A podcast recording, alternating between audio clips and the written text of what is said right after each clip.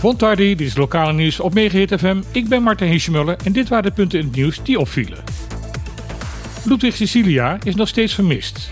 De Bonaireaan die sinds vorige week woensdag spoorloos is verdwenen, is ondanks intensieve opsporingsacties nog steeds niet gevonden.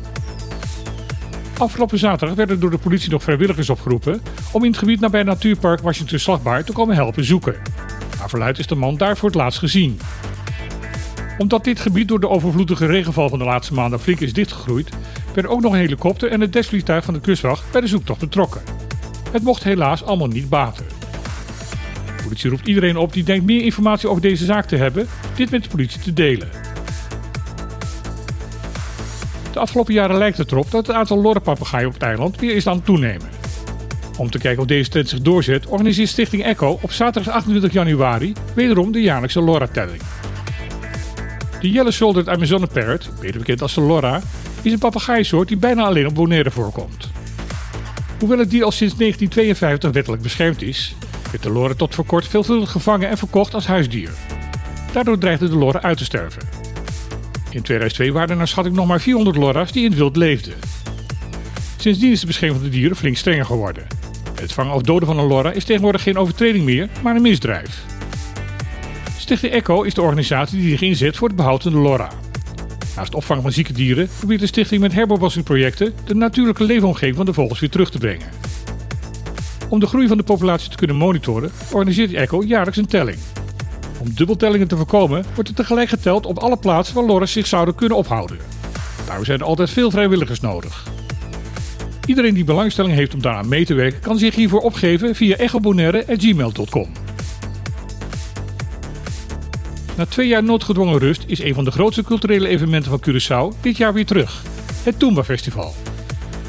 Volgende week van maandag tot met vrijdag kan iedere liefhebber van deze muziek zijn of haar hart weer ophalen. Toomba is de muziek die onverbrekelijk met ABC-eilanden is verbonden. De roots van deze muziekstijl reikt tot in Afrika. Naar het schijnt komt de naam Toomba uit de Bantu-cultuur in Congo.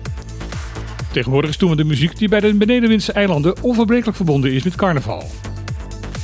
Elk jaar wordt er na een zangcompetitie een Toomba-koning gekozen. Dit gebeurt op alle drie de eilanden, maar het festival Curaçao wordt daarbij gezien als de belangrijkste. Op de andere eilanden wordt dit feest nauwlettend via de tv gevolgd. Dit jaar is het aantal deelnemers helaas historisch laag.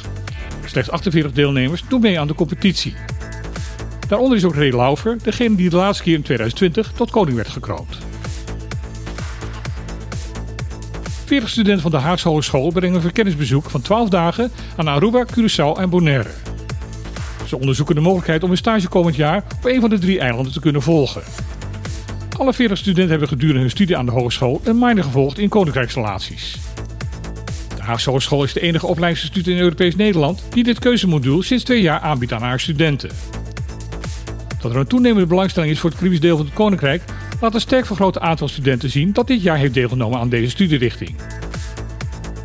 De studenten hopen met dit bezoek contacten te kunnen leggen en meer informatie op te doen over de eilanden, zodat ze straks kunnen terugkeren om hier hun stage te gaan lopen.